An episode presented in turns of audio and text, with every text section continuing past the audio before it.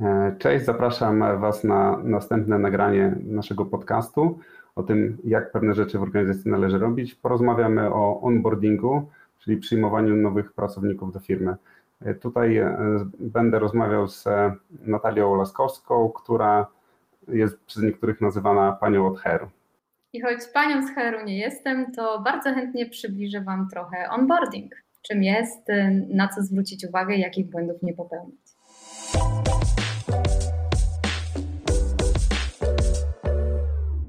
Cześć Natalia. Cześć Przemku. Dzisiaj chciałbym z Tobą porozmawiać o temacie onboardingów w HR-ach, e, więc może na wstępie to może powiedz parę słów o sobie, jakie masz doświadczenia w tym zakresie. E, w jednej z firm nazywają mnie panią z HR-u, choć tak naprawdę nią nie jestem. Co prawda studia takie skończyłam też, bo z wykształcenia w ogóle jestem chemiczką, e, aczkolwiek od no, kilkunastu lat zajmuję się zarządzaniem e, i budowaniem zespołów. E, I myślę, że tutaj ta taka rola poniekąd HR-owa jest, jest bardzo ważna, bo praca e, z ludźmi no, wymaga tego, żeby pewne aspekty tych, tego obszaru HR-owego jednak znać i w swojej pracy wykorzystywać. Hmm, okej, okay, to może co to w zasadzie jest ten onboarding i z czego on się składa? Zwróćmy uwagę na, że samo słowo onboarding, które oczywiście pochodzi z języka angielskiego, e, w wolnym tłumaczeniu oznacza wszyscy na pokład. I znajdziemy tu trochę analogii do, do lotnictwa, bo tamtym onboardingiem e, nazywa się procedury, które są niezbędne do tego, żeby przyjąć podróżnego na pokład. E, I tak naprawdę dzieje się to też w każdej z firm, gdy, gdy przyjmujemy nowego pracownika e, do, do naszego zespołu. Jest to pewnego rodzaju podróż e, dla niego, a, a takie to odpowiednie przyjęcie na pokład jest właśnie tym onboardingiem. I mm, onboarding pracownika może obejmować wiele różnych aspektów. Są oczywiście różne teorie na ten temat, czym one powinny być, jakie elementy w to wchodzą.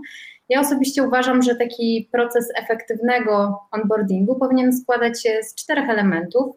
Nawet jedna teoria o tym mówi, to są takie tak zwane 4C, czyli compliance, procedury, przygotowanie całej dokumentacji kadrowej, umowa o pracę, ubezpieczenia, szkolenia BHP i inne.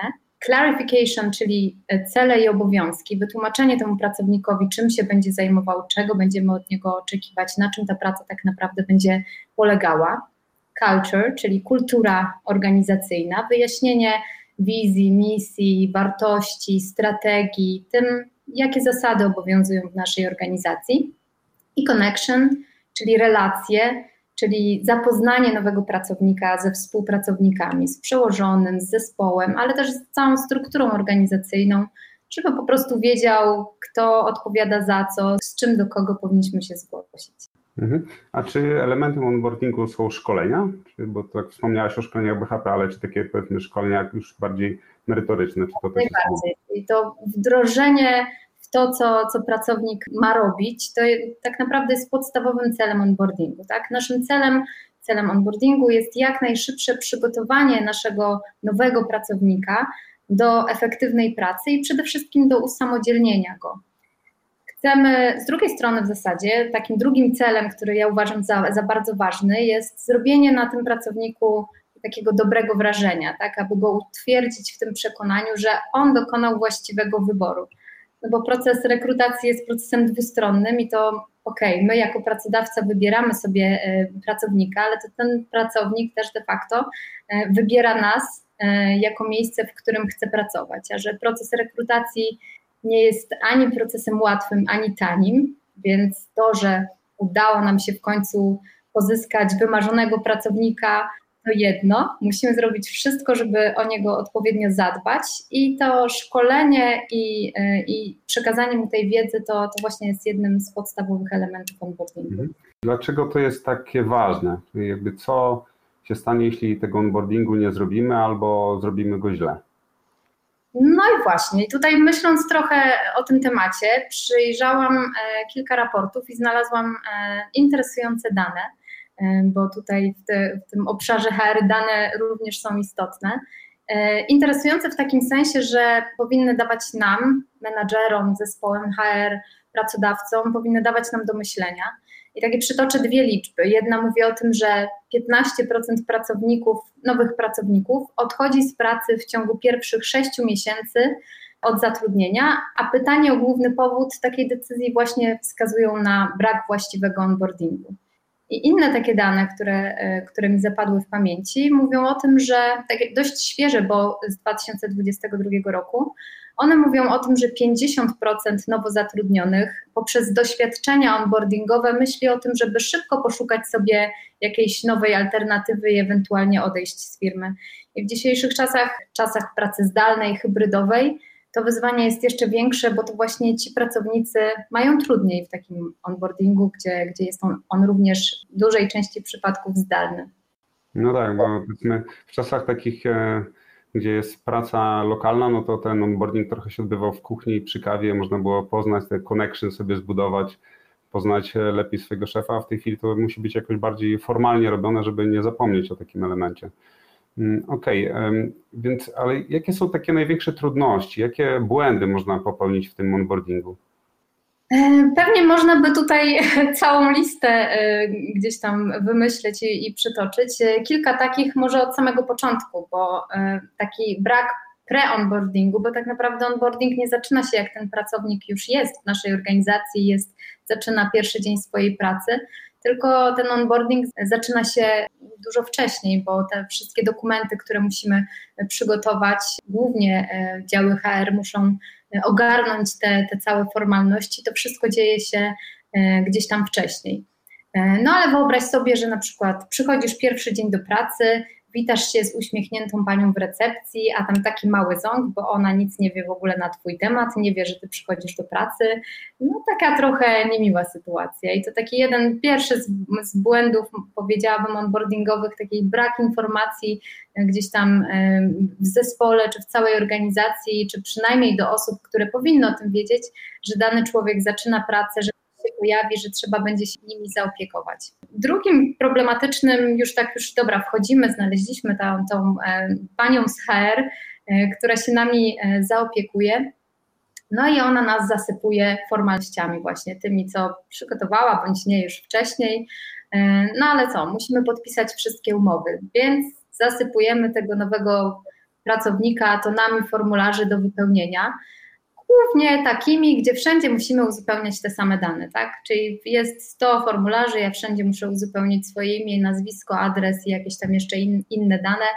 No, dla mnie to jest powiedzmy e, trochę e, irytujące. Jeszcze tak z życia, e, z, z, mojego własnego doświadczenia powiem, tak, taki przykład, gdzie zarządzałam zespołem około 300-osobowym i miałam onboarding w jednym miesiącu, że miało, dołączyło do nas 50 osób. Pewnego pięknego poranka przychodzę do pracy, patrzę na, na biurku, leży jakaś sterta dokumentów, a to się okazuje, że to były umowy do podpisania dla tych 50 osób w dwóch egzemplarzach, umowy po kilka stron, na każdej parapka, podpis na końcu i tak dalej no to wspomnienie zostało do, ze mną do dzisiaj, a minęło już kilka dobrych lat i ten ból ręki też, też pamiętam, także to, to też jest takie jedno e, z problematyczniejszych elementów onboardingu, przynajmniej dla, dla menadżerów. Mhm. No właśnie, bo jeszcze zastanawiam się nad tym, e, jakby nie dość, że może być zaskoczenie dla człowieka, gdy przychodzi i nikt się go nie spodziewa, e, tak, ale z drugiej strony też nawet jak ten człowiek się pojawia, to może być zaskoczenie, że jakiś nowy człowiek kręci się po biurze, a reszta zespołu nie wie, kto to jest. Tak? To, to jakby te, ten onboarding trzeba szerzej też traktować i pracownika wprowadzić, ale innych wprowadzić w to, że ten nowy człowiek się pojawił. A nawet słyszałam o takiej sytuacji, gdzie ktoś opowiadał właśnie, a słuchaj, ktoś tu przyszedł do biura, tak dziwnie na niego patrzyłem, bo, bo go nie znałem, nie wiedziałem kim jest, a się okazuje, że już parę miesięcy z nami pracuje, więc jak najbardziej coś tu nie zagrało. No tak, tak, właśnie to są przykłady z życia.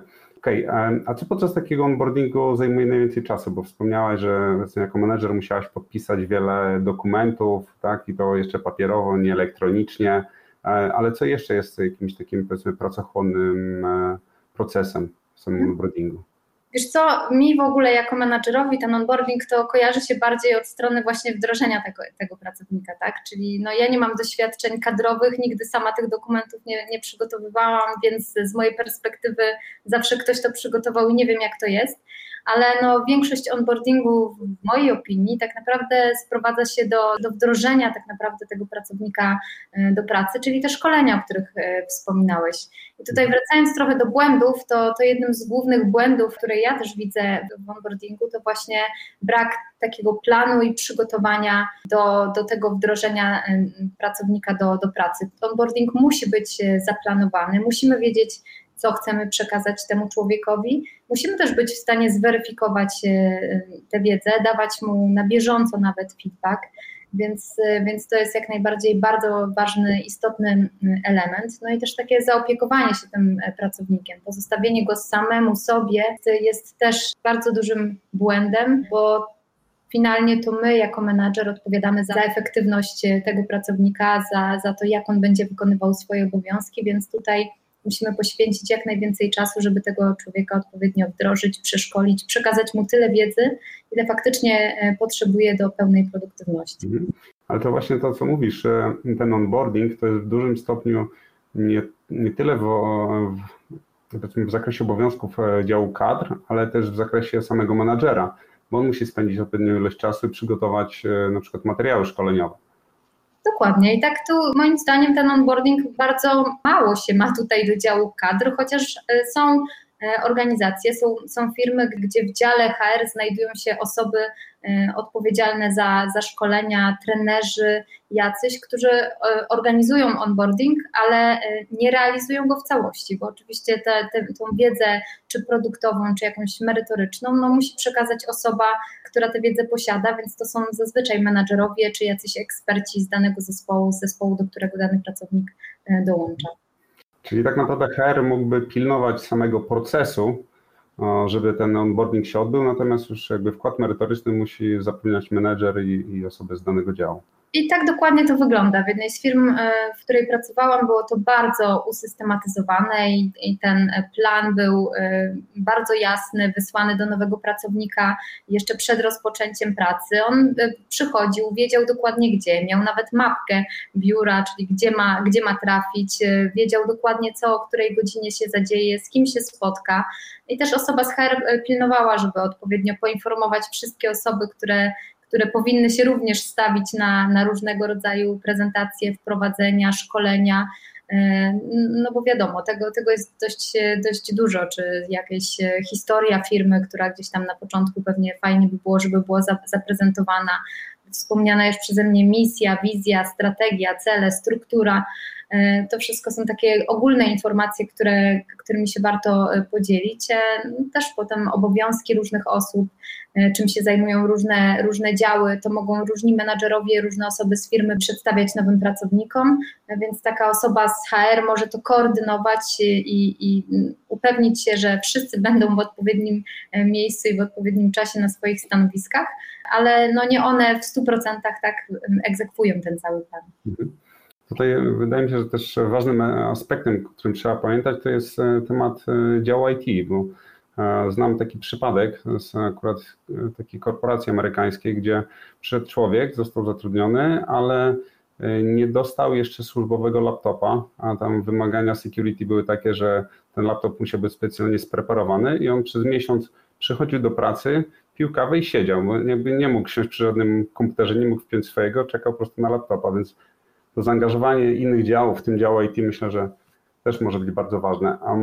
Pytanie takie, czy mm, co dałoby się powiedzmy zautomatyzować w tym procesie, a co ewentualnie by się nie dało zautomatyzować? Z takiego doświadczenia z branż technologicznych wiem, że bardzo dużo już można zautomatyzować. Są różnego rodzaju platformy y, i narzędzia, które, które usprawniają e, na pewno ten proces. E, ważne jest też, żeby proces opomiarować, bo tak e, są fajne KPI, które można mierzyć również w onboardingu, żeby, żeby też efektywność tego procesu być w stanie mierzyć, obserwować, kontrolować i, i też usprawniać. No ale zaczynając od samego początku, teraz już wiem, e, kilka lat temu jeszcze nie wiedziałam, teraz jestem mądrzejsza, wiem, że e, umowy można podpisywać elektronicznie i dla mnie to jest wybawienie dla każdego menadżera, ale też chyba dla tego, dla pracownika, który dostaje w przystępnej formie dokumenty uzupełnione, nic już, e, nie musi tam wypisywać tych wspomnianych przeze mnie imion po raz razy 100. Myślę, że to, to jest elementem, przynajmniej dla mnie personalnie, który w pierwszej kolejności można automatyzować. Mhm. No właśnie, no ja jestem człowiekiem z IT, w zasadzie całe życie, od kiedy zobaczyłem komputery. Natomiast e, jakby ja wiem, że się wszystko da zautomatyzować, tylko to jest kwestia jakichś tam nakładów. Natomiast w tej chwili w ramach Amodita też jakby wiemy, że możemy budować dowolne procesy, bo to onboardingi mogą być bardzo różne. E, tak naprawdę to zależy od, od organizacji i to, co wspomniałaś, te podpisy elektroniczne, tak, e, ale wydaje mi się, że nawet jeszcze wcześniej, czyli człowiek zanim nawet przyjdzie do biura, czy zanim w ogóle zacznie coś podpisywać, mógłby wypełnić sobie formularz jakiś online'owy, gdzie właśnie te imię i nazwisko poda, PESEL i tak, i tak dalej, żeby te wszystkie dokumenty mu się same zrobiły i przysłały mu się do podpisu, tak? Czyli wtedy kadry dostają już zebrane dane, podpisane dokumenty, więc jakby wszystko jest, jest w miarę zautomatyzowane. Także to, to się da zrobić, tak? Nie da się pewnie tych rzeczy takich międzyludzkich zrobić. Międzyludzkich nie, ale wiesz, nawet y, narzędzie, w którym widać strukturę, gdzie widzisz zdjęcia osób, parze tych osób, stanowiska, no to też ułatwia, jak masz pod ręką, możesz sobie sprawdzić, kto to był, bo oczywiście, że nie zapamiętasz nawet przez pierwszy miesiąc wszystkich osób w organizacji, więc takie, co mam jakiś problem, chcę go rozwiązać, nie wiem do kogo się zgłosić, no to miejsce, w którym ta struktura jest i, i w którym ja sobie mogę zobaczyć osoby i dane kontaktowe, tam czy jakiś link do Teamsów, czy innego narzędzia, które używamy wewnętrznie w firmie, no to, to też pomaga. Wrzucenie zdjęcia uważam, to jest bardzo ważna rzecz, bo przychodzi nawet człowiek inny nazwisko, ale się go nie widziało, bo do biura nie przychodzi, to już ciężko w ogóle nawiązać jakiś kontakt, nie, nie widząc twarzy. No dokładnie, nie wiesz, z kim masz rozmawiać. Zorganizowanie onboardingu, tak, czy szkolenia. No, jest tyle platform do odbywania szkoleń online. Teraz w ogóle właśnie w tych czasach, gdzie pracujemy zdalnie, zauważam, że jest taka kultura, ok, szkole kogoś, ale przy okazji nagrywam, żeby w przyszłości już nie musieć tego drugi raz robić, tylko żeby, żeby ktoś mógł sobie to odsłuchać. Są tego plusy i minusy, bo ja zawsze uważam, że jednak fajniej porozmawiać sobie z człowiekiem, nawet tak właśnie przez jakąś aplikację, niż tylko wysłuchać suchej prezentacji, ale potem, żeby mieć do czego wracać, jak, jak chciałabym sobie coś przypomnieć, no to takie nagrania są jak najbardziej korzystne. Znaczy, no tak, pewnie warto najpierw, żeby człowiek sobie obejrzał co cokolwiek, żeby nie, nie tłumaczyć mu podstaw, a dopiero później jakąś tam tak, rozmowę tak. przeprowadzić. E, jasne. Okej, okay. E, wspomniałaś o tych e, wskaźnikach, jakie można sobie raportować. Czy jesteś w stanie podać jakieś przykłady, co, co możemy mierzyć? Tak, bo sama takie wskaźniki gdzieś tam ustalałam i, i przede wszystkim no, jednym z nich jest zadowolenie tego pracownika po dwóch mm, tygodniach, po miesiącu, po dwóch miesiącach, jak kto sobie to zaplanuje tutaj taka satysfakcja z pracy, stopień zaangażowania, są różne wskaźniki mierzące to zadowolenie i różne metodologie, ale na pewno warto to mierzyć w kontekście onboardingu, bo oczywiście na początku człowiek jest podekscytowany, e, wszystko mu się podoba, jest super, ale jeżeli ten onboarding, e, coś w nim jest nie tak, no to ta satysfakcja, zaangażowanie będzie, będzie spadać i takie e, wskaźniki są fajne, żeby to być w stanie na bieżąco bądź też dość szybko zauważyć. Co jeszcze? Stopień osiągania celów takich nowo zatrudnionych pracowników w trakcie i po zakończeniu procesu wdrożenia, to też może być jednym z wskaźników, tyle że tu właśnie zaangażowanie menadżera jest dość ważne, żeby takie cele nawet stopniowe, jakieś krok po kroczku, czego oczekujemy i czy to jest spełnione, żeby je postawić i faktycznie monitorować. E, takim oczywistym jest poziom rotacji, tak, i jej koszty, czyli wskaźnik odejść po 3, 6, 12 miesiącach od momentu zatrudnienia. To też nam mówi o tym, e, w jaki sposób zaopiekowaliśmy się tym, e, tym pracownikiem na, na samym początku.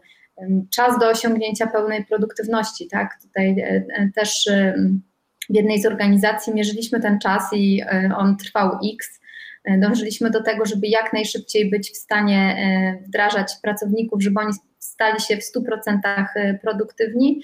Oczywiście w tym celu musieliśmy ten onboarding cały czas y, udoskonalać, tak? I faktycznie to się, to się udawało dzięki temu, że gromadziliśmy te informacje od pracowników, mierzyliśmy tą ich satysfakcję, dopytywaliśmy o to, co było nie tak, e, co powinniśmy poprawić, na co zwrócić uwagę. Także to bardzo ważne jest, myślę, że to jest taki proces ciągłej pracy i ulepszeń, tak, optymalizacji również. I to jest takie zbieranie feedbacku de facto od tego pracownika, na ile ten nasz onboarding się sprawdza. Tak, i e, zbieranie feedbacku bezpośredniego, ale też to, że my monitorujemy efekty, czyli tak naprawdę kontrolujemy jakość czy wiedzę tego, tego człowieka, w jaki sposób on wykonuje swoją pracę, no to też nam daje jakąś mhm. informację zwrotną. Także dwojako ja mam swoje obserwacje, ale też bezpośrednio pytam, e, co było łatwe, co nie, no bo oczywiście, że my jak już tu jesteśmy, wiemy o czym mówimy, dla nas to wszystko jest, jest proste, znane, taki świeży punkt widzenia e, no, wnosi dużo wartości. Mhm.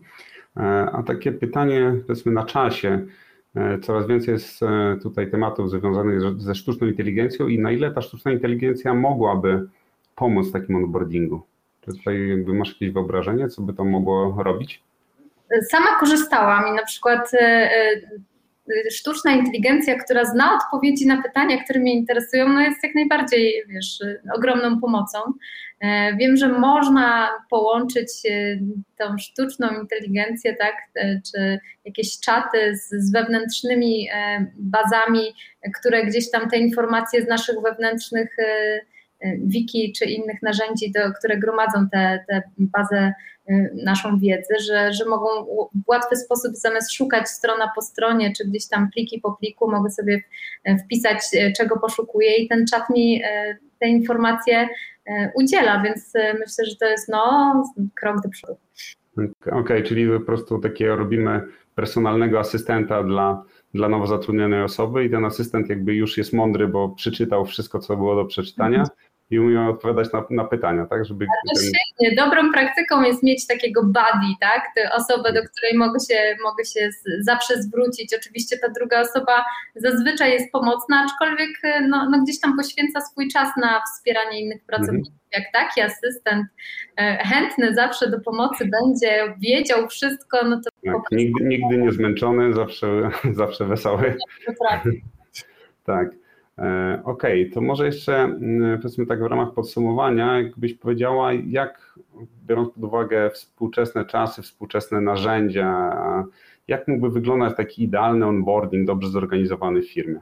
Myślę, że e, przede wszystkim e, no, narzędzia do tego powinny być e, dobrze zorganizowane, tak? Czyli ja nie muszę szukać informacji, pytać, ciągle mieć tą jedną osobę, która, która gdzieś tam mi mówi co i jak, tylko przychodzę, mam plan, wiem gdzie się zgłosić, do kogo, odhaczam sobie, co już zrobiłam, co nie. Szkolenia, tak jak mówisz, faktycznie, jeżeli muszę przyswoić jakąś wiedzę, przecież mogę zrobić to nawet przed pierwszym przyjściem do pracy, zapoznać się z jakimiś tam e, informacjami, jeżeli firma jest w stanie je udostępnić. Tym bardziej w formie takiej już przygotowanej, jakiejś e, wideo czy materiały w innej formie. Myślę, że, że to, to bardzo usprawnia, ale no, no ten plan. Ja wyobrażam sobie, jak ja bym chciała przyjść do pracy, chciałabym mieć checklistę, co muszę zrobić, do kogo się z czym zgłosić.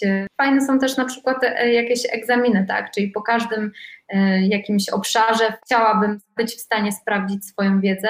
Oczywiście fajnie jest mieć osobę, z którą zawsze mogę porozmawiać i, i zweryfikować to, czy tam podpytać o to, z czym mam problemy, aczkolwiek no, myślę, że fajny mm, onboarding w zorganizowany sposób z narzędziem, które to wspiera, byłoby czymś pożytecznym. Okay, czyli jakby z jednej strony materiały i learning, a z drugiej strony taka rzecz, która się kojarzy z, może z czasami dawnymi, czyli obiegówka, tak? Jest obiegówka, odhaczam sobie, że to mam załatwione, to mam załatwione, tu dostałem laptopa, tu mam dostęp do systemu i tak dalej, tak?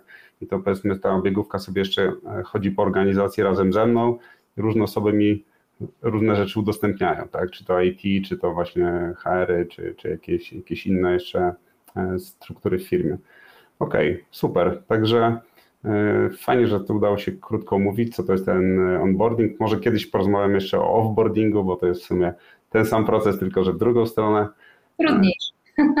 Trudniejszy, trudniejszy na pewno też emocjonalnie. E, także dzięki za rozmowę i, i do usłyszenia. Dzięki, cześć.